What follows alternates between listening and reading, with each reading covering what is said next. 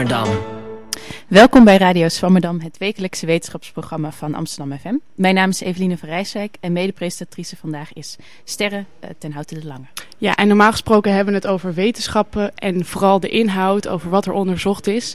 Maar ja, we zijn een Amsterdams programma en we moeten het toch even hebben over wat er in Amsterdam en op de universiteit gebeurt. Lieve, jij bent van de week veel op het Maagdenhuis geweest. En je hebt een rapportage gemaakt. Ja, ik heb een klein item gemaakt uh, over de docenten die gisteren, uh, de wetenschappers die gisteren bij elkaar zijn gekomen. Ja, daar gaan we nu even naar luisteren. Mijn naam is Ingmar Visser. Ik ben uh, universitair docent ontwikkelingspsychologie aan, aan de UvA, faculteit Maatschappij en Gedragswetenschappen. en ik heb ook nog een andere functie, namelijk ik ben vicevoorzitter van de Centrale Ondernemingsraad. Uh, van de UvA en, uh, en daarom ook hier om, uh, om even te kijken wat, wat, er, wat vandaag het programma is. Ja, ik kom net binnenvallen. Ja. Wat heeft u meegekregen? nou, ik, ik zie op het bord een lijstje staan van, van, van nieuwe eisen of een nieuw programma van wat ik, naar ik begrijp, de docenten van de universiteit. Van. Ik denk dat het heel goed is dat, uh, dat het Maagdenhuis en de UvA in het algemeen nu een plaats is geworden waar gepraat wordt over uh, het soort problemen wat, uh, wat ons parten speelt. En spreadsheet management is niet zo heel erg als je het doet op het niveau van faculteiten. Mm -hmm. Maar als je het doet op het niveau van mensen, van individuele, individuele docenten en individuele onderzoekers, dan werkt het niet. En dan vergeet je daarbij de menselijke maat. En dan komen ze met z'n allen bij elkaar in de maagdhuis. En dan komen ze in opstand. Ik ben Gijs van Donslaar. Ik um, doseer wijsbegeerte, filosofie, hier aan de afdeling wijsbegeerte.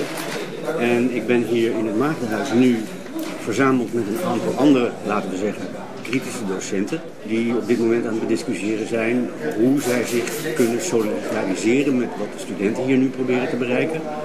Um, en of zij uh, zeg maar aan wat die studenten willen en eisen ook nog iets toe te voegen hebben.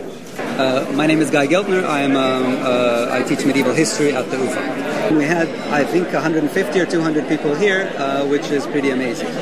Um, I think we had a really good discussion, and we had uh, what we are calling here temperature checks mm-hmm. about several propositions, um, how to connect this agenda with national and international agendas that are relevant, such as fighting managerialism, uh, uh, uh, fighting the increasing tendency to see universities as factories, uh, fighting the uh, reality in which uh, universities have winners and losers mm-hmm. because they are ranked, because people apply for funding, because if you don't get funding, you are no longer seen as a viable member of your department, and all of these things that are just completely and utterly beyond the remit, beyond the ethos of a community that is about teaching and, uh, and research. Mijn naam is Rens Bot. Ik uh, ben hoogleraar computation, nou, computationele en digitale geesteswetenschappen aan de mm -hmm. faculteit Natuurwiskunde Informatica en faculteit Geesteswetenschappen vooral. Als we verder willen gaan, dan is het alleen maar hartstikke goed om ook uh, juist samen te werken met de CVB in plaats van, misschien hebben we het gehoord aan het begin, in plaats van er tegen in te gaan. Dus het meest urgente punt is nu om voor morgenavond, uh, zondagavond, 8 uur, een, uh, een, een alternatief plan of in ieder geval een gezamenlijke brief te hebben waar iedereen zich in kan vinden. Ja, we, gaan, we zijn benieuwd of dat gaat lukken. Tot zover de actualiteit. We gaan terug naar de stand van de wetenschap. Vandaag praten we in Radio Swammerdam over de betekenis van het al dan niet hebben van een nationaliteit. Uh, naar schatting ruim 10 miljoen mensen ter wereld hebben geen nationaliteit. Miljoenen andere wereldburgers hebben juist een dubbele nationaliteit. Heb je wel of niet de juiste papieren? Dat is de vraag. Nu las ik als kind het boek Otje van Annie M. G. Smit, waarin Otjes vader Tos één probleem heeft. Hij heeft geen papieren. Zonder die papieren krijgt hij ook geen nieuwe papieren. Otjes vader, die werkt als kok in een restaurant, wordt uitgebuit door de eigenaar van het restaurant, die weet dat Tos geen papieren heeft. En daardoor heeft hij een zwakkere positie in de samenleving. De vogels in het kinderboek stelen vervolgens ergens papieren voor Tos. Maar omdat ze niet snappen welke papieren uh, Otjes vader precies nodig heeft, komen ze terug met snoeppapiertjes, kranten, brieven en zelfs een stuk perkament. Hoe het verhaal afloopt zal ik niet verklappen, maar ik weet nog dat ik me als kind enorm kwaad kon maken om het feit dat het hebben van papieren überhaupt belangrijk was. Sterren, ken jij het boek? Ja, natuurlijk ken ik het boek. Opgegroeid met Annie M. G. Maar ja, toen, toen je dit zei, Otje, ik, ik dacht alleen maar dat meisje dat de hele tijd met vogels aan het praten was. Maar nou je het zegt, papieren, daar ging het eigenlijk over. Die Annie, die was wel slimmerik. Ja, er zat wel een uh, moraal in het verhaal. Ja, inderdaad. zeker. Um, waarom vertel ik dit? Morgen vindt er een uh, symposium plaats waarin de vraag beantwoord wordt: wat staat Nederlandse staatlozen en mensen zonder papieren, om het maar even zo te zeggen, in 2015 te wachten? En wij praten vandaag alvast met de voorzitter van dit symposium, Katja Zwieder, promovenda op het gebied van staatloosheid aan het Amsterdam Center for European Law and Government, en hoogleraar migratierecht aan de UvA, Betty de Hart uh, openingsspreker morgen en verrichtster van internationaal vergelijkend onderzoek op het gebied van familierecht, migratierecht en nationaliteitsrecht. Uh, goedemorgen uh, beide dames. Goedemorgen. Um, we beginnen eerst kort met een fragmentje uit de documentaire die morgen ook uh, te zien zal zijn uh, bij het symposium, uh, getiteld The Story of Tai Ha, waarin Tai Ha, afgestudeerd in de rechten in Tilburg en kind van twee Vietnamese ouders, uitlegt hoe het nou komt dat zij staatloos is. Ik ben met mijn ouders meerdere malen bij de Vietnamese ambassade geweest om uh, voor mij een Vietnamees paspoort aan te vragen. Alleen willen zij dat niet afgeven omdat, uh, omdat ik volgens hun geen Vietnamese onderdaan ben. Zij willen mij niet zien als Vietnamese burger omdat ik volgens hen niet geboren ben in Vietnam. Ik ben namelijk geboren in Duitsland. En omdat ik geen Vietnamese paspoort heb, kan ik weer geen Nederlandse aanvragen. Dus het is echt een cirkel. Kom er niet uit.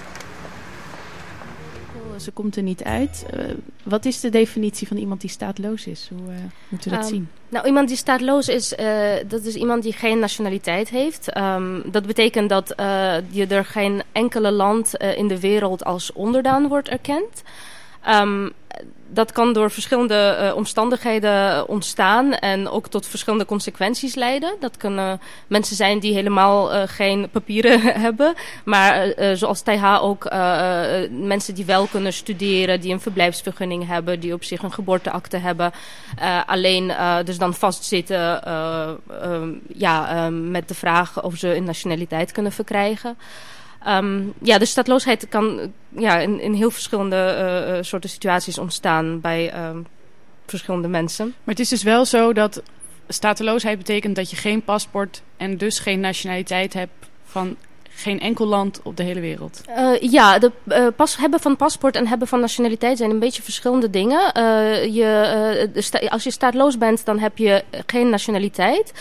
Um, dat betekent niet altijd dat je geen paspoort hebt. Je kan een vreemdelingenpaspoort hebben of een stadloze persoonpaspoort. Sommige landen geven dat uit voor bepaalde groepen stadlozen.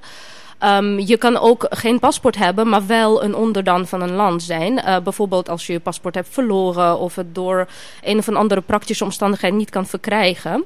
Um, dat uh, betekent dan niet per se dat je staatloos bent. Uh, dus het, het uh, juridische band tussen een land en een burger is niet altijd met een paspoort uitgedrukt. Meestal wel, maar niet altijd.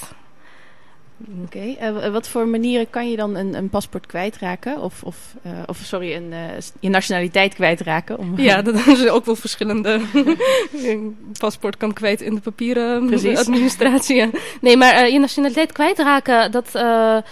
Um, nou ja, de onderliggende uh, oorzaak daarvan is dat elke land kan eigenlijk zelf bepalen uh, wat ze met hun nationaliteitsbeleid doen. Dus um, elke land kan beslissen waarom en hoe ze nationaliteit afpakken en hoe je je nationaliteit verliest.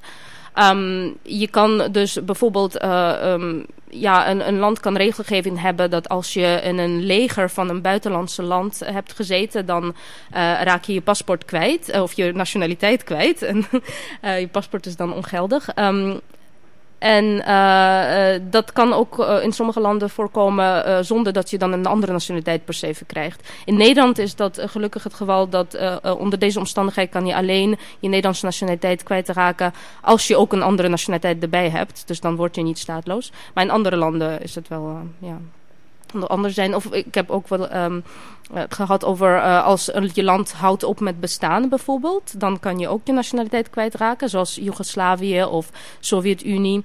Dan kwamen er allemaal nieuwe landen in plaats van de uh, oude land. En die mochten ook wel zelf bepalen wie hun burgers zijn. En dan vielen sommige mensen erbuiten. Dus ze konden niet hun Sovjet-nationaliteit inruilen voor een Russische of Oekraïnse of Kazachse.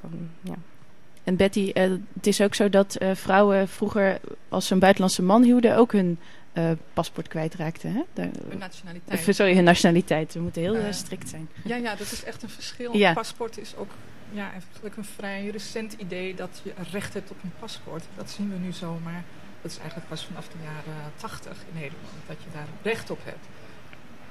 Even iets beter in de microfoon, dan kunnen we het beter verstaan. Um, en uh, in Nederland was het zo uh, dat tot 1964 vrouwen die trouwden met een buitenlandse man automatisch hun Nederlanderschap kwijtraakten. Dus op het moment dat ze in het huwelijksbootje stapten, waren ze ter plekke geen Nederlandse meer. Maar dan kregen ze wel de nationaliteit van, de, van hun nou, man? Daar werd van uitgegaan. Uh, hè, dat was het idee was, vrouwen hadden eigenlijk geen eigen identiteit. hun rechtspositie werd volledig bepaald door die van de man. Het idee was dat als je trouwde met een buitenlandse man, dat je dan ook tot zijn land ging behoren. En ook qua identiteit. En dat je ook zijn nationaliteit zou verwerven. Ook qua identiteit? Ja, het idee was dat, ja, dat de man de cultuur van het gezin bepaalde. Oh, zo, ja. Um, en uh, dus dat je identiteit, je cultuur werd bepaald door die van de man. Uh, in, toen in 1964 werd afgeschaft onder druk van internationale verdragen in Nederland dat vrouwen automatisch hun Nederlanderschap kwijtraakten, kwam er een overgangsregeling waarbij vrouwen uh, alsnog het Nederlanderschap konden herkrijgen. En toen bleek van die vrouwen, dat waren meer dan 5000 vrouwen die op die manier hun Nederlanderschap uh, terugkregen in de periode van een jaar, daarvan was ongeveer een vijfde staatloos. Dus het was meer een, een idee dat dat ze iets terug zouden krijgen. Het, het, idee was ook vaak van dat gezin gaat dan in het buitenland wonen. Die blijven niet in Nederland. Dat was helemaal niet het geval. Maar dat was het idee. Het was een soort ideologische gedachte die erachter. Niet alleen in Nederland, maar de meeste staten hebben dat tot uh, vrij lang in de 20e eeuw gehad. Ja. Aan de andere kant een buitenlandse vrouw die trouwde met een Nederlandse man. Die werd tot 1964 automatisch Nederlands. Werd ook niet gevraagd of ze dat wel wilde ook niet nagekeken of ze die andere nationaliteit die ze oorspronkelijk had dan kwijtraakte. Uh, dus als en is dat, nu ook veranderd dan? Uh, beide is uh, in 1964 dus dat automatisme is afgeschaft. Mm -hmm. Tot 1985 kon de buitenlandse vrouw die trouwde met een Nederlandse man heel makkelijk door een optie gratis door een verklaring Nederlandse worden. Mm -hmm. Op het moment van het huwelijk of enig moment daarna. Mm -hmm. Datzelfde gold niet voor de, de, buitenlandse man van de Nederlandse vrouw. De kinderen uh, van een Nederlandse vrouw en buitenlandse man in huwelijk geboren zijn ook pas sinds 1985 bij geboorte automatisch Nederlandse kinderen.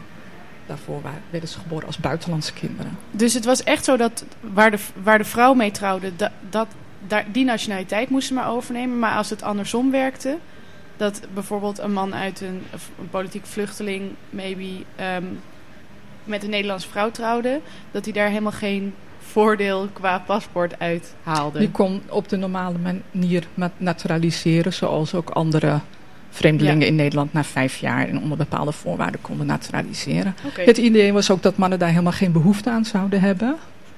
Uh, want ja, uh, die, ja uh, het idee was dat die toch wel met hun vrouw dan naar het buitenland gingen. En ja, als er over gesproken werd, dan werd gezegd van ja, we moeten niet overdrijven. In de jaren zestig, toen die verandering plaats ja, het zou echt te ver voeren om die mannen ook een recht op nationaliteit te geven. Dat wil niemand. Dat vond men echt een idiote gedachte. Uh, stel je zit nu in die situatie van staatloos. We hebben een aantal voorbeelden gehoord van hoe je dat kan worden. Welke juridische status heb je? Wat kan wel, wat kan niet? Uh, nu zeg maar, want het is misschien ook door de geschiedenis heen veranderd.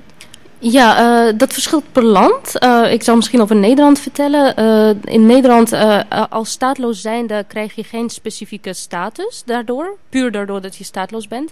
Maar vanwege andere redenen, dus je bent, naast staatloos zijn ben je ook een aantal andere dingen. Misschien met een Nederlander getrouwd of ben je misschien ook een asielzoeker. En door die andere omstandigheden kan je ook uh, een verblijfsvergunning bijvoorbeeld hebben. Uh, dus dan kan je als staatloos zijnde verschillende status, juridische status in Nederland uh, genieten. Um, bijvoorbeeld, um, Taiha had een verblijfsvergunning. Um, en dat, uh, ja, dus daardoor uh, had ze een, een, betere situatie in de samenleving. De staatlozen die uh, ook geen verblijfsvergunning hebben in Nederland, hebben vaak ook geen identiteitsdocumenten. En die wonen dan helemaal buiten de juridische radar. Die zijn dan de zogenaamde ongedocumenteerde. Mm. Um, maar er zijn ook staatlozen die. Um, um, bijvoorbeeld, er komt af en toe een verhaal van een staatloos baby die wordt geboren bij een, uh, een gezin van heel hoog opgeleide, uh, vrij rijke, misschien zelfs mensen die dan gewoon heel veel verhuizen. Dat zijn dan een, een stel vaak uit twee verschillende landen. En een kind wordt in één land geboren, na twee jaar verhuizen ze ergens, of willen ze verhuizen ergens anders. Dan ontdekken ze dat het kind geen enkele nationaliteit heeft verkregen. En dat is dan een heel andere situatie dan als we denken over mensen die ongedocumenteerd, zijn en geen, um, ja, geen toegang hebben tot basale rechten. Dus. Ja, het is heel duidelijk, dit is, levert dus verschillende problemen op, afhankelijk van wel of niet verblijfsvergunningen uh, enzovoort. Um, sinds wanneer is het eigenlijk een probleem om staatloos te zijn? Uh, als in, ooit hebben we besloten, je hebt een nationaliteit en, en eventueel een paspoort en of niet. Uh, en nu ineens um, ja, is dat een probleem geworden. Kunnen u daar vanuit de geschiedenis wat over zeggen? Of? Het is natuurlijk niet nu opeens een probleem geworden. Het is, zolang als een nationaliteit bestaat, is staatloosheid een probleem. Ja. En zolang als nationaliteit bestaat, wordt ook dubbele nationaliteit als probleem gezien. Dus dan heb je het echt over minstens sinds de 19e eeuw. Ja, maar dat uh, was ook, want ik kan me voorstellen dat dat misschien toen niet zo strikt uh, genomen werd van wie is staatsburger, uh, welke voorzieningen krijg je. Hè? We hebben natuurlijk een welvaartsstaat nu, waar allerlei rechten ook, als je nationaliteit hebt, heb je ook een recht op iets vaak, op allerlei voorzieningen. Um, dus ik kan me zo voorstellen dat ja. dat nu problematischer is. Ik weet niet of jij niet zoveel wilt zeggen, Katja. Ik denk dat het wel uh, staatloos zijn waarschijnlijk al heel lang problematisch is. En misschien dat de problematiek daarvan verandert natuurlijk met de tijden. Um, ik heb bijvoorbeeld uh, in de geschiedenis, van de geschiedenisauteurs gelezen dat staatloosheid en dubbele nationaliteit vroeger veel meer als iets verdachts was gezien. Dus dat, dat nu is het wel een beetje weggezakt. We, denk, we, zijn niet mensen die dan een lo loyaliteit hebben met twee landen of geen loyaliteit naar een land hebben, zien we niet per se als verdacht of als een uh, vijand. Uh, dat was vroeger dus wel. Als mensen in een land zich bevonden en was ontdekt dat ze staatloos zijn, dat was, um, ja, dat was het heel moeilijk voor hem om in dat land daar te wonen, omdat ze dus ja, gevaarlijk, als gevaarlijk werden aangemerkt. Nu is het meer een probleem van inderdaad bureaucratisch uh, alles op een rijtje kunnen krijgen en binnen een bureaucratie te kunnen functioneren. Want de aanname is altijd, je hebt een nationaliteit. En zo werkt gewoon Nederlandse wet overal. Uh, bijvoorbeeld de Vreemdelingenwet, die neemt aan dat iemand die niet Nederlander is, ergens anders naartoe kan. Dat is gewoon een heel bazaal aanname. En de, de, de vreemdelingenrecht wordt ook geformuleerd. Um, iedereen die niet een, niet een Nederlander is, moet Nederland gaan verlaten. Tenzij er een reden zijn om hier te blijven. Maar dat iedereen eigenlijk Nederland kan verlaten, dat wordt aangenomen. Maar is stateloosheid dan niet juist um, een reden om in Nederland te moeten blijven? Uh, ja, dat is vaak het reden dat mensen niet uh, uit Nederland weg kunnen gaan. Want er is geen enkele land in de wereld, uh, niet voor alle staatlozen, maar voor de meeste staatlozen is geen enkele land in de wereld die verplicht is om hun terug te nemen. Dus dan zitten ze vast in Nederland. Maar er is geen speciaal verblijfsgrond momenteel in de Vreemdelingenwet voor staatlozen. We praten zo verder over deze problematiek. Maar eerst gaan we luisteren naar Sting met Englishman in New York, waarin hij zichzelf een legal alien noemt.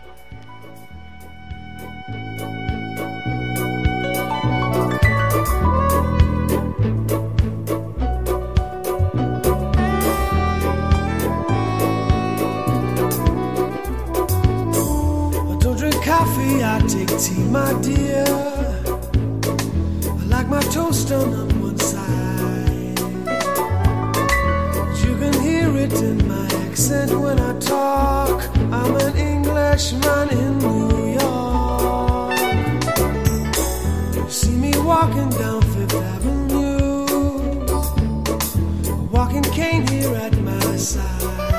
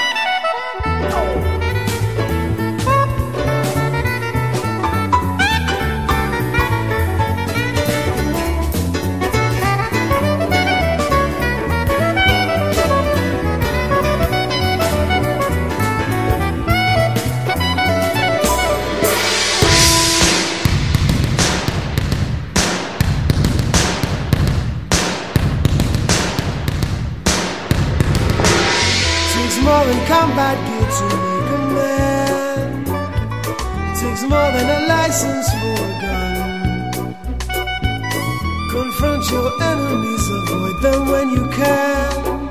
A gentleman will walk but never run. The manners make of manners, someone say. He's a hero of the day. It takes a man to suffer ignorance and smile. Be yourself, no matter what they say. Be yourself, você. E o céu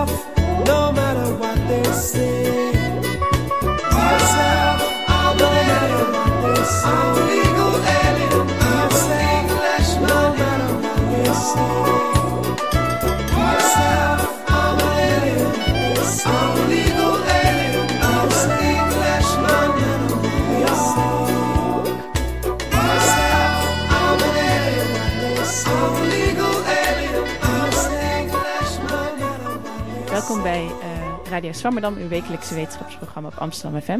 Eh, we praten verder over het al dan niet hebben over een, eh, van de nationaliteit. Ehm, en we spreken met Katja Zwiede en Betty de Hart. Ehm, Katja, je, hebt, je verricht onderzoek naar staatloosheid. En dat is ook een vergelijkend onderzoek. Kan je een opmerkelijk verschil noemen tussen de verschillende landen die je onderzoekt? Hoe zij omgaan met staatloosheid? Ja, de focus van mijn onderzoek is het identificeren van staatloosheid. Dus hoe kan je eigenlijk bepalen of iemand wel of niet staatloos is? En dat is uh, uh, juridisch een heel interessant vraag, want dan moet je bewijzen het gebrek aan iets dat vaak niet zo goed gedocumenteerd is.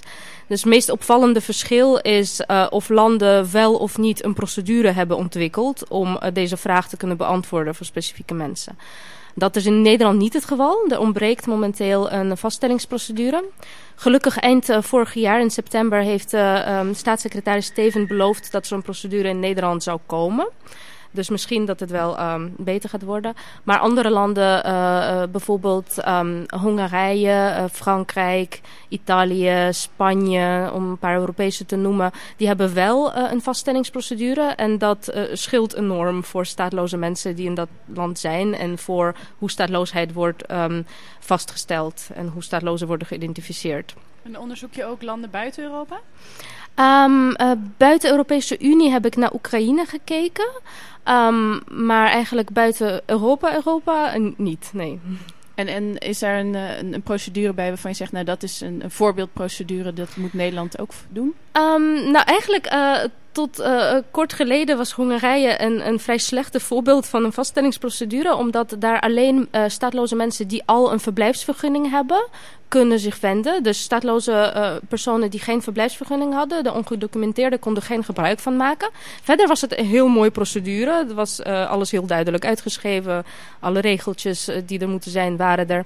Maar een paar weken geleden heeft de Hongaarse hoogste beroep rechtbank gezegd dat die eis van legaal verblijf is eigenlijk onconstitutioneel. Dus vanaf nu mogen alle staatlozen in Hongarije zich tot die procedure wenden. Dus nu kan ik misschien zeggen van Hongarije is echt een heel goed voorbeeld met uh, die uitspraak samengenomen. Waar Nederland van zou kunnen ja, veel leren. Even technisch vraagje. Onconstitutioneel betekent dat het in strijd is met de grondwet? Ja, precies. Ja, sorry. Ik ben niet Nederlands. Dus niet, niet alle terminologie is... Uh, ja.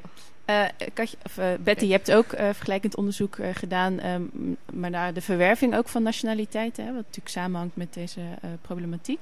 Um, wat, uh, wat voor verschillen en overeenkomsten heb je gevonden in de landen die je onderzocht hebt? En dat gaat dan misschien ook met name over dubbele nationaliteiten. Ja, wat betreft dubbele nationaliteit heb ik gekeken naar Duitsland, Nederland en de VS. Uh, ja, het belangrijkste verschil is tussen de drie landen is dat de VS als regel dubbele nationaliteit eigenlijk accepteert. Ze zeggen wel, ja, we zijn er eigenlijk niet voor, maar iemand die Amerikaan wil worden, hoeft wat Amerika betreft niet uh, de eigen nationaliteit op te geven. En een Amerikaan die een andere nationaliteit aanvraagt, raakt ook de Amerikaanse niet kwijt. In Nederland is dat anders. Hè. Een Nederlander die elders een nationaliteit aanvraagt, verliest automatisch het Nederlanderschap. Oh, okay. En uh, iemand die Nederlander wil worden, moet in beginsel uh, de nat eigen nationaliteit opgeven. Er zijn wel wat uitzonderingen op en in praktijk betekent dat dat ongeveer 60% van de mensen die naturaliseren in Nederland toch de eigen nationaliteit kan houden. Bijvoorbeeld omdat ze vluchteling zijn en je dan niet kan verwachten dat ze contact opnemen met de staat ze gevlucht, waarvoor ze gevlucht zijn om hun nationaliteit kwijt te raken. Uh, omdat ze geen afstand kunnen doen van de eigen nationaliteit, zoals geldt voor Marokko. Uh, daar wordt dat gewoon niet toegestaan. Ja, en als je dan zou zeggen, maar u moet het afstaan, dan kun je nooit naturaliseren. En mensen die met een Nederlander getrouwd zijn. Uh, Zoals uh, Katja. Ja, er wordt hier een vinger opgestoken. ja. vertel, Katja. nou, ik, ik, ik, heb dus een dubbele nationaliteit. Ik, heb, ik ben in Nederland genaturaliseerd. En ik kon mijn Poolse nationaliteit behouden omdat ik met een Nederlander getrouwd ben. Dus dan val ik onder een van die uitzonderingen dat ja. Betty heeft genoemd. Oh, grappig. Um, nog meer mensen aan tafel met een dubbele nationaliteit? nee, ik heb er één. nee, ik ook één. Um, ja, om even door te gaan op die dubbele nationaliteit. Want die heeft eigenlijk wel ook een relatie met, die, met staatloosheid. Hè, ook gevraagd wordt wel of niet uh, verliezen. Um, waarom wil de Nederlandse overheid het dubbele nationaliteit tegengaan? Waarom uh, zeggen ze van nou, het liefst willen we dat je je andere nationaliteit opzegt? Hmm. Ja, in, in de loop der jaren zijn de argumenten daarvoor wat veranderd. Maar de laatste jaren wordt het uh, zeker aan integratie gekoppeld. Um, en uh, het idee dat mensen een duidelijke keuze moeten maken. Moeten weten waar ze horen. En dat, je niet, ja, dat het niet goed is voor de integratie als je een band hebt met twee landen. Dat is toch eigenlijk de hoofdgedachte. Um, aan de andere kant zijn er dus ook groepen personen van wie die band met twee landen wel wordt aanvaard. Zoals dus uh, mensen die met een Nederlander getrouwd zijn. En ook de kinderen daarvan. Kinderen uit gemengde huwelijken worden in bijna alle gevallen met dubbele nationaliteit geboren. Bijna alle, nou echt heel veel. Um, en die hoeven ook niet later een keuze te maken, bijvoorbeeld tussen die uh, twee nationaliteiten als ze meerderjarig zijn. Die mogen gewoon die twee nationaliteiten houden. En kunnen ze dat dan wel? Dat ze zeggen: nee, ik wil echt alleen Pools zijn? Ja, dat kan. Uh, je kan in Nederland uh, je nationaliteit vrijwillig opgeven als je een andere hebt of een andere zeker zou verkrijgen. Dus het mag niet, uh, in Nederland mag je niet ne Nederlandse nationaliteit opgeven als je daardoor staatloos wordt. Dat verbiedt de Nederlandse wet. Je kunt niet volledig anarchistisch stateloos nee, worden. Nee, dat mag niet volgens de wet. Maar dat mag je zelf niet, maar de Nederlandse overheid mag jij dat wel aandoen, toch? Uh, ja, uh, onder één uh, omstandigheid. als, je, als er gefraudeerd werd tijdens de naturalisatieprocedure. Dus mensen die tijdens de naturalisatieprocedure informatie hebben achtergehouden of iets over zichzelf gezegd dat niet klopt. En dan komt een Nederlandse autoriteiten daarachter uh, binnen 12 jaar sinds de naturalisatie. Dan kan Nederlanderschap uh, uh, teruggetrokken worden. En die mensen hebben meestal dan hun andere nationaliteit um, opgegeven omdat het vereist is door Nederlandse wet. En die mensen kunnen dus staatloos worden. Het gaat vaak ook over, het klinkt zo gefraudeerd alsof iemand dan iets heel ergs heeft gedaan, maar het gaat vaak om uh, ook vrij kleine dingen, bijvoorbeeld dat achternaam uh, iets anders wordt gespeld of, of een toevoeging werd weggelaten in de bureaucratieproces. Of dus dat is vaak ook vrij dramatisch. Is dit de categorie, wat was het, rechterlijke dwaling? Oh, dat is toch dat je per ongeluk een foutje maakt waarmee je juridisch een, ja, uh, iets illegaals doet? Nee, ik ben de enige die hier aan moet denken. Oké, okay. laat maar dan. um, we spraken al over Marokko bijvoorbeeld, die jou verplicht... Uh, je, hebt, je hebt die nationaliteit, die kan je niet kwijtraken. Uh, een ander land zegt weer tegen Marokko van... nou, wij willen wel dat, dat ze dat opgeven. Um, dat, dat roept denk ik om uh, Europees of VN. wie gaat hierover? Wat wordt hier op verdragsniveau, internationaal... hoe wordt er over nationaliteitsrecht gesproken? Ja, Katje heeft eerder al aangegeven dat in principe uh, elke staat zelf zijn nationaliteitsrecht bepaalt. Maar er zijn wel een aantal verdragen. Uh, ook verdrag ter voorkoming van staatloosheid. En je hebt het Europees Verdrag Nationaliteit. Dat zegt over dubbele nationaliteit. Ik spreek even voor mijn onderwerp. um, eigenlijk, nou, moet u zelf weten tegen de staat. Uh, mag meervoudige nationaliteit toestaan, maar het hoeft niet. En voor een paar categorieën zegt ze wel dat... Dat meervoudige nationaliteit moet worden toegestaan. Maar daar, ja, uh, daar staat in feite in uh, van anything goes. Een eerder verdrag um, uit de jaren 60 uh, had wel tot doel meervoudige nationaliteit te voorkomen. en daar is Nederland nog steeds partij bij. Maar dat verdrag geeft eigenlijk in praktijk ja, weinig betekenis. Steeds meer staten in Europa zijn overgegaan tot aanvaarding van dubbele nationaliteit. En dat is soms ook onder druk van bijvoorbeeld emigrantengroepen. Uh, zoals in Zweden is dat gebeurd. Uh, er ontstond een discussie over dubbele nationaliteit. En toen hebben Zweedse emigranten in het buitenland gezegd... dat willen wij ook. Uh, en toen is dubbele nationaliteit ook aanvaard. En ook in, zijn er nu ook Nederlandse emigrantengroepen... die noemen zich dan vaak expats. klinkt beter. Um, uh, die uh, ja, pleiten voor uh, aanvaarding van dubbele nationaliteit. Omdat ze graag een andere nationaliteit willen aanvragen. Omdat het bijvoorbeeld voor werk beter is. Of omdat ze al lang in een land wonen enzovoort. maar het Nederlanderschap niet willen opgeven.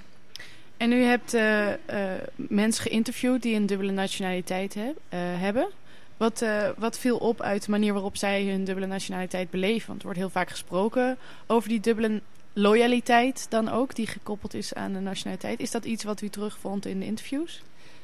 Nee, eigenlijk niet. Um, ik heb verschillende soorten mensen geïnterviewd. Uh, migranten in Nederland, Nederlandse emigranten in het buitenland... mensen in gemengde relaties en kinderen uit gemengde relaties. Niet iedereen had dubbele nationaliteit, sommigen wilden het heel graag. En er waren ook wel mensen die hadden dubbele nationaliteit, die wilden het eigenlijk helemaal niet. Het is niet zo dat iedereen heel graag dubbele nationaliteit wil...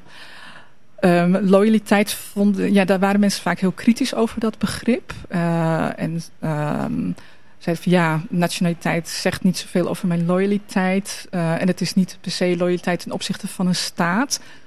Uh, maar bijvoorbeeld wel familieleden die je hebt in het land van de andere nationaliteit. En die je ook makkelijk wilt kunnen bezoeken als daar iets mee gebeurt met die familieleden.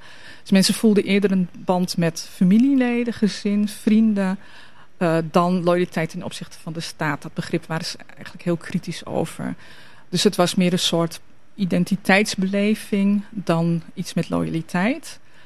Uh, ja, mensen hadden ook vaak praktische redenen. Alle nationaliteiten zijn gelijk, maar sommige zijn gelijker dan andere, heeft uh, Steven Kastels wel eens geschreven. Uh, ja, Nederlandse nationaliteit is een vrij leuke nationaliteit waarmee je makkelijk kunt rondreizen. Maar dat is natuurlijk voor sommige andere nationaliteiten helemaal niet zo eenvoudig. Dus dan kan dubbele nationaliteit ook uh, in die zin uh, zowel praktisch, maar ook weer betekenen dat je makkelijk je familie kan bezoeken die eventueel in het buitenland uh, zit. En dat kwam eigenlijk heel erg overeen met ja, wat voor situatie mensen ook verkeerden, dat soort ervaringen. we hoorden net al de verschillende verdragen voorbij komen. Ook het verdrag ter voorkoming van staatloosheid. Um, in hoeverre um, heeft dat invloed op het Nederlandse beleid gehad, dat verdrag? Um, het, uh, ja, Nederland is partij voor beide WN-verdragen voor uh, bescherming van staatlozen en het voorkoming van staatloosheid. Um, uh, de verdrag voor de voorkomen van staatloosheid is vrij goed in Nederland uitgevoerd. Er is één puntje waarvoor, waar in Nederland niet aan de verdrag voldoet. En dat is het verlenen van nationaliteit voor staatloze kinderen die in Nederland worden geboren. Volgens dat verdrag, als je in Nederland wordt geboren en staatloos bent, uh, moet Nederland zorgen dat je Nederlandse nationaliteit krijgt.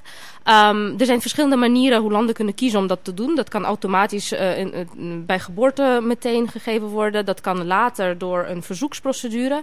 Nederland heeft voor de tweede gekozen om het via de optie, zogenaamde optieprocedure, aan zulke kinderen te bieden. Maar ze stellen een eis dat die kinderen moeten drie jaar lang legaal in Nederland verblijven. Dus een eis van wettig verblijf. En kinderen die dus uh, bij ouders worden geboren die geen verblijfsvergunning hebben, uh, kunnen er geen gebruik van maken. En dat is in strijd met het verdrag van 1961 ter voorkoming van staatloosheid. Um, daar uh, wordt ook aan gewerkt. Uh, staatssecretaris Steven heeft ook gezegd dat dat wordt aangepast uh, eind vorig jaar. Dus daar wachten we op hoe dat opgelost gaat worden. Oké, de wereld beweegt. gaan we zo naar luisteren, het liedje van Wende Snijders. Want dat, dat doet de wereld ook. Hè. We zien, het recht is misschien niet altijd helemaal um, goed aangepast op een veranderende wereld. dus daar gaan we nu naar luisteren.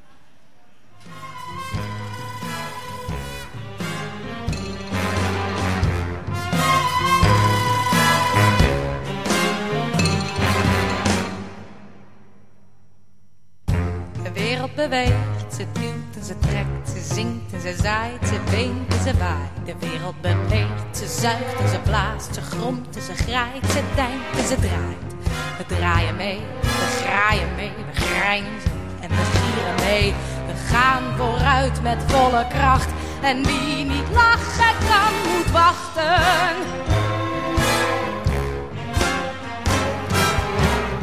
De wereld beweegt, ze verleidt, ze verdwaalt, ze verlicht, ze verdraait, ze breekt en ze baait. De wereld beweegt, ze hoert en ze sloert, ze steekt en ze naait, ze slikt en ze boert. We draaien mee, we zwaaien mee, we zwieren en we zwalken mee. We tollen rond op hoge poten, wie niet dansen kan, moet hopen. En wie niet dansen kan, moet hopen. De wereld beweegt, ze brandt en ze braakt, ze spuugt en ze kraait, ze ligt en ze laait. We draaien mee, we waaien mee, we zaaien en we zwemmen mee. We splijten zeeën dwars door midden, wie niet zwemmen kan, moet bidden. En wie niet zwemmen kan, moet bidden.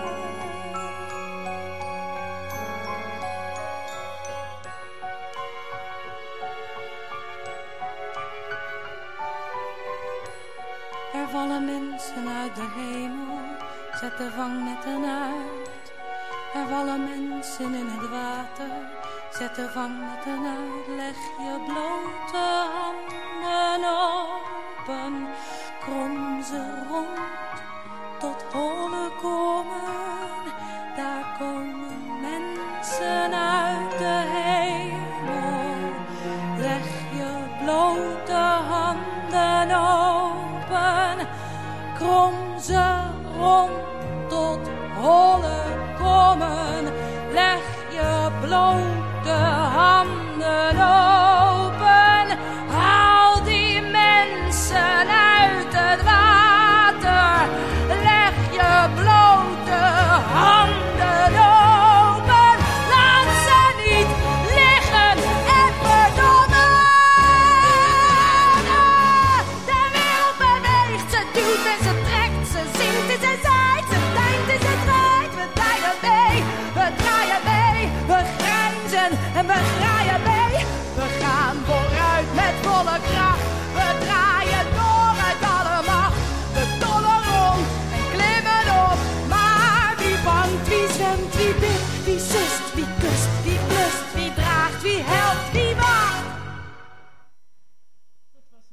abrupt eind. Welkom terug bij Radio Zwammerdam, het wekelijkse wetenschapsprogramma op Amsterdam FM. En we hebben het vandaag over stateloosheid en dubbele nationaliteit.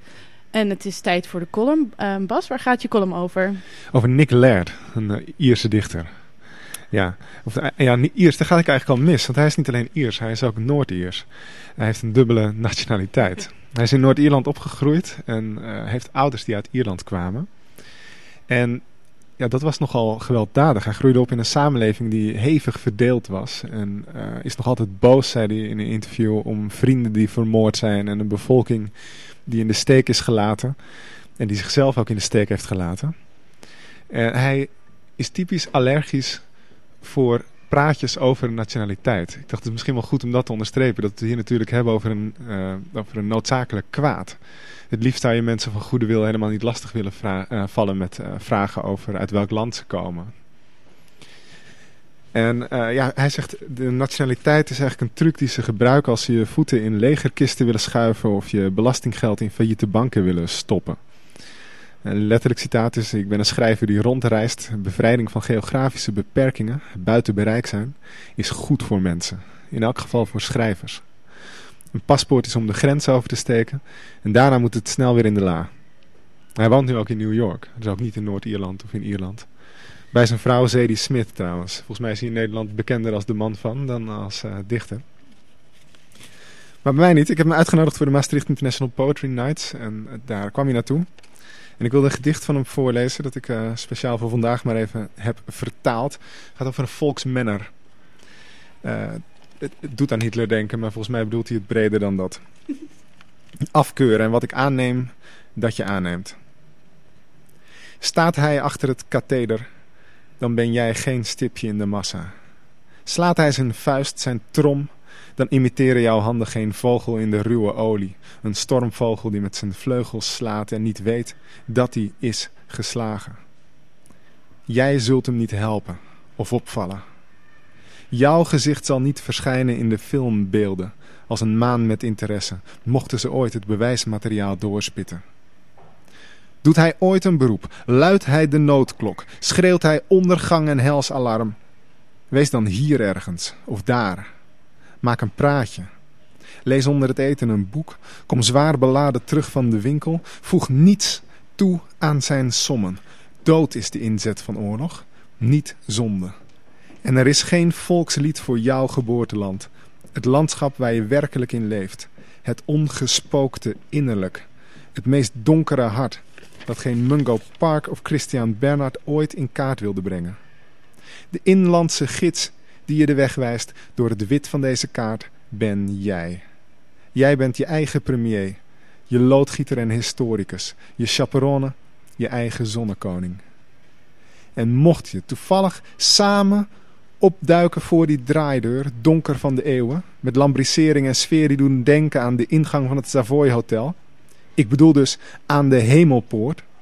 Sta er dan op, snij hem zijn pas af, vraag hem om een handtekening en neemt hij dan zijn pen ter hand, zeg dan iets over stijl en twijfel en grijns als een waanzinnige heiden en haal een jerrycan olie tevoorschijn uit je leger van boodschappentassen.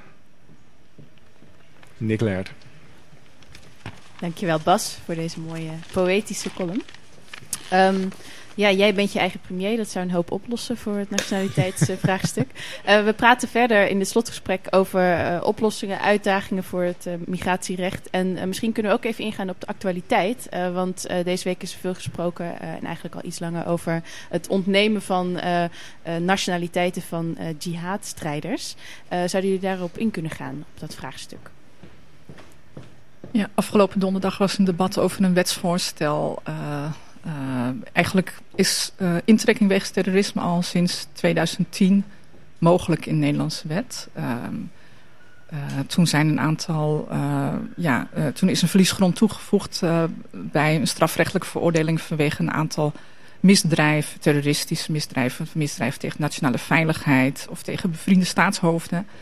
En uh, dat artikel is met een paar strafrechtelijke artikelen uh, voor werving, voor uh, terrorisme enzovoort uitgebreid in dit wetsvoorstel. En daar is afgelopen donderdag over gedebatteerd in de Kamer. En wat ik wel heel mooi vond in dat debat is hoe je kunt zien hoe staatloosheid en dubbele nationaliteit zeg maar, de keerzijde van dezelfde medaille zijn. Um, in het wetsvoorstel is bepaald dat vanwege het verdrag van, ter voorkoming van staatloosheid intrekking wegens terrorisme alleen mogelijk is bij mensen met dubbele nationaliteit. Um, en uh, ja, dat roept bij sommige Kamerleden de vraag van ja, is dat eigenlijk wel um, in overeenstemming met het gelijkheid, gelijkheidsbeginsel? Want stel dat twee mensen uh, een, een, terroristisch misdrijf plegen en de een heeft dubbele nationaliteit en de ander niet, dan kun je bij de een dus het Nederlanderschap afnemen en bij die ander niet. Maar wat is het nut van het afnemen van Nederlanderschap als iemand terroristische... Ja, nou ja, dat is ook een goede vraag inderdaad, die ook in de Kamer aan bod kwam. Uh, wat, wat is het effect ervan? Uh, er moet een strafrechtelijke veroordeling aan vooraf gaan wegens die misdrijven die nu worden toegevoegd... is in uh, de afgelopen, ik geloof sinds 2013, twee keer een veroordeling voor geweest. Dus dan gaat het over potentieel als die mensen dubbele nationaliteit hebben... over twee mensen. Dus het zullen geen grote aantallen zijn. En ja, je kunt je afvragen van wat is dan het doel? Dat werd ook, kwam ook aan de kamer, in de Kamer aan de orde van ja... Uh, is dan het doel dat je dus nationaliteit afneemt en mensen dan uitzet van ga daar maar fijn de mensen uitmoorden, zolang je het maar niet hier doet. Uh, ook, ja, dat ja. vonden sommige Kamerleden ook tamelijk kwestieus. Tegelijkertijd is er nu een uh, wetsvoorstel in voorbereiding waarbij um, intrekking ook mogelijk zou zijn zonder strafrechtelijke veroordeling als iemand naar orde van de minister uh, een gevaar is voor de nationale veiligheid. Dus dat gaat nog verder. Uh, in het debat kwam ook aan de orde dat de VVD zei van ja, we zouden ook moeten kijken naar uh, waarom uh, kan het eigenlijk alleen als iemand nog een andere nationaliteit heeft? Waarom zouden we het niet ook moeten kunnen doen als mensen staatloos worden? Want ja, mensen doen zelf die misdrijven. Ze keren zich tegen de Nederlandse samenleving, tegen de Nederlandse rechtsstaat, tegen de Nederlandse waarden en normen. Dus hebben geen, ze verdienen die, Nederlanders, dat, die Nederlandse nationaliteit niet meer. En waarom zou het dan een probleem zijn als het tot staatloosheid leidt? Tegelijkertijd is het ook het besef dat er een verdrag is ter voorkoming van staatloosheid, wat zegt dat mag niet. En ook het Europese verdrag nationaliteit zegt ook dat mag niet. Uh, en dan is het idee van ja, dan gaan we met andere landen praten om die verdragen te veranderen. Dat is natuurlijk, als dat al mogelijk zou zijn, wat uitermate twijfelachtig is, dan is het natuurlijk een proces van jaren, decennia zelfs, denk ik, voordat je zo'n verdrag gewijzigd krijgt, omdat al die lidstaten daarmee in, moest, uh, in moeten stemmen. Is dit niet vooral, ik snap het debat hoor, maar is dit niet vooral een, een uiting van, uh, van verontwaardiging dan een serieus juridisch debat? Nou, het wordt ook, uh, Kamerleden spraken ook in termen van symboolwetgeving, inderdaad. En een signaal uit willen zenden dat we dit onacceptabel vinden ja, ook dan kun je toch afvragen waarom je dat niet met het strafrecht uit kunt drukken. Dat je dit onacceptabel vindt. Hè? En, en waarom je dan mensen moet uitzetten ook. Um, ik vind, het gaat toch meestal om jonge mensen die hier geboren en getogen zijn. Het zijn onze terroristen. Kunnen we leuk vinden of niet? We vinden het niet leuk, denk ik. Maar het zijn wel onze terroristen, ja, denk ook ik. Als dus... we hun nationaliteit afnemen en ze blijven met niks over ja, dan kunnen ze gaan zitten waar ze willen. Want ja, ze mogen toch nergens zijn. Dan blijven ze waarschijnlijk net zo goed in Nederland. En dan kunnen we daarna niet nog een keer hun identiteit afpakken. Of hun nationaliteit. Ja, de effectiviteit van, uh, van dat intrekken is uitermate twijfelachtig. En hoe ja. dat bijdraagt aan bestrijding van terrorisme uh, kun je echt afvragen. Uh, en ook, ja, het, is toch, het heeft toch, dat wordt ontkend, hè, want het is dus een bestuursrechtelijke maatregel, intrekken van nationaliteit geen strafrechtelijke maatregel. Maar het heeft toch eigenlijk het doel ook om te straffen, denk ik. Hè? Ja. Intrekken van nationaliteit als straf. Is het nationaliteitsrecht daarvoor bedoeld? Ja. Nee, ja, het, ik vind het ook mooi aansluiten wat je zegt aan de column dat we net hebben gehoord. Dat nationaliteit zoveel emotionele lading heeft. Uh, nationaliteit is wie je bent, is je identiteit. Uh, het bepaalt eigenlijk zoveel over je. En um, in de gesprekken over terrorisme komt dat ook heel veel naar buiten. Want is het nou echt Nederlands om zoiets te doen? Dat is natuurlijk niet Nederlands. Dat is, dan, en, en dan wordt het zo emotioneel. Hoeveel eigenlijk nationaliteit zien als wat de dichter doet. Uh, het is gewoon een, een, stuk papier die je dan moet gebruiken en dan zo snel mogelijk weer in de la stoppen. En het is een bureaucratisch iets die we hebben bedacht omdat de wereld zo makkelijker blijft draaien en we hebben geen andere betere oplossing. Um, dan, dan is die gesprekken over terrorisme ook veel minder geladen met de gesprekken over nationaliteit. Want dan kijk je naar de effectiviteit inderdaad en de effectiviteit is echt minimaal. Uh, ja, je zegt uh, we hebben geen andere oplossing. Uh, als we out of the box denken, zijn er manieren waarop wij dit probleem van geen nationaliteit, één nationaliteit, dubbele nationaliteit afnemen, intrekken van nationaliteiten? Ja, ik kan me zo voorstellen dat, dat je een Europees burgerschap of ja, of gewoon dat je zegt, nou, de hele wereld in één klap, geen identiteit, geen nationaliteit meer. Iedereen mag overal naartoe. Ja, nou ja, ik bedoel, we hadden voorheen. Het, moet je dat even doorgeven aan het bungenhuis. Dan ja. moeten ze dat ook opnemen in hun eisen. Ja, ja, ja, precies. Ja, wordt er op juridisch vlak uh, nagedacht over alternatieve oplossingen? Um...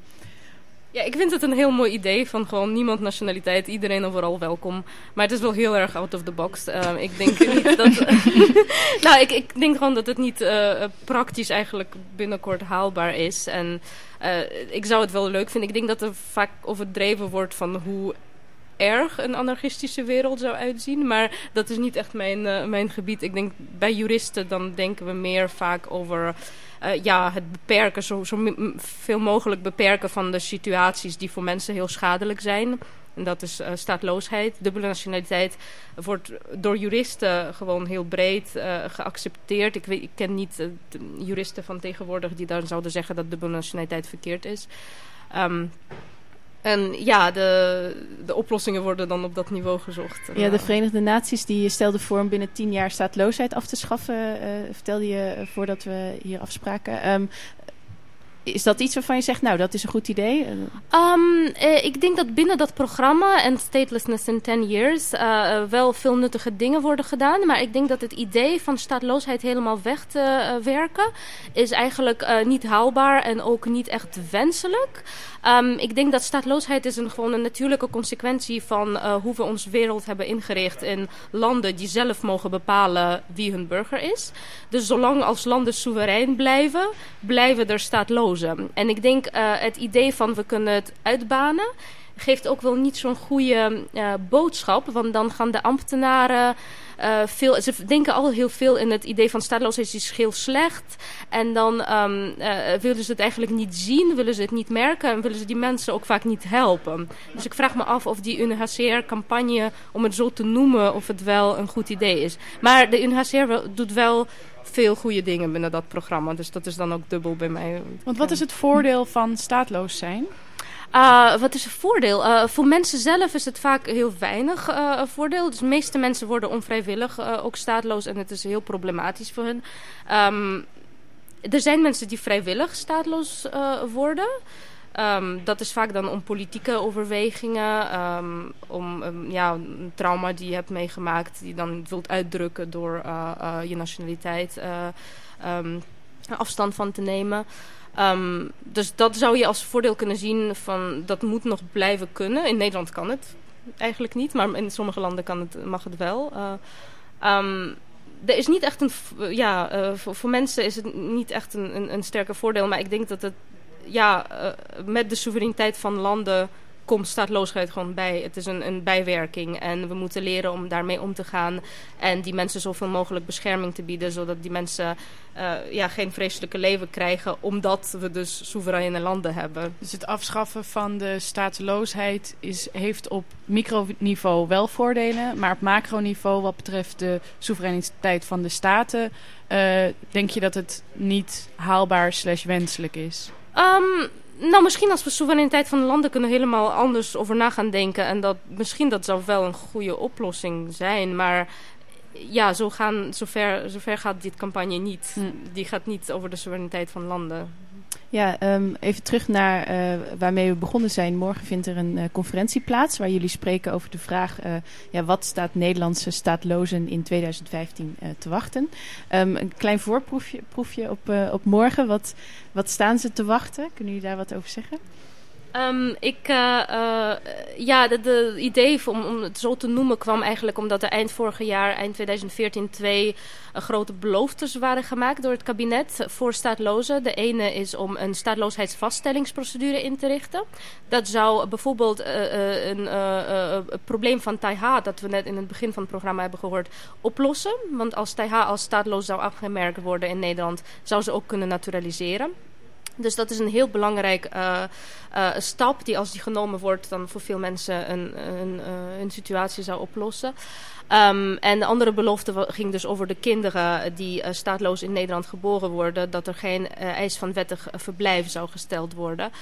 Um, en uh, in die symposium uh, gaan we dan bespreken uh, wat precies heeft het kabinet gezegd. Wat voor um, beïnvloed gaat het hebben op de staatlozen vandaag. Voor welke zou het wel situaties oplossen, voor welke niet. Want er zijn ook een paar dingen die het werd, werd, gevraagd aan de kabinet om te veranderen. En ze hebben gezegd, nee, dat gaan we niet doen. Bijvoorbeeld een, um, een verblijfsvergunning uh, aan staatlozen uitgeven. En wat voor effect dat heeft uh, voor, voor staatloze mensen die in Nederland verblijven. Ja, wat is jullie relatie als wetenschapper in deze politieke vraagstukken? Van, van geen nationaliteit, dubbele nationaliteit. wordt er geluisterd naar, naar wat jullie onderzoeken? Um,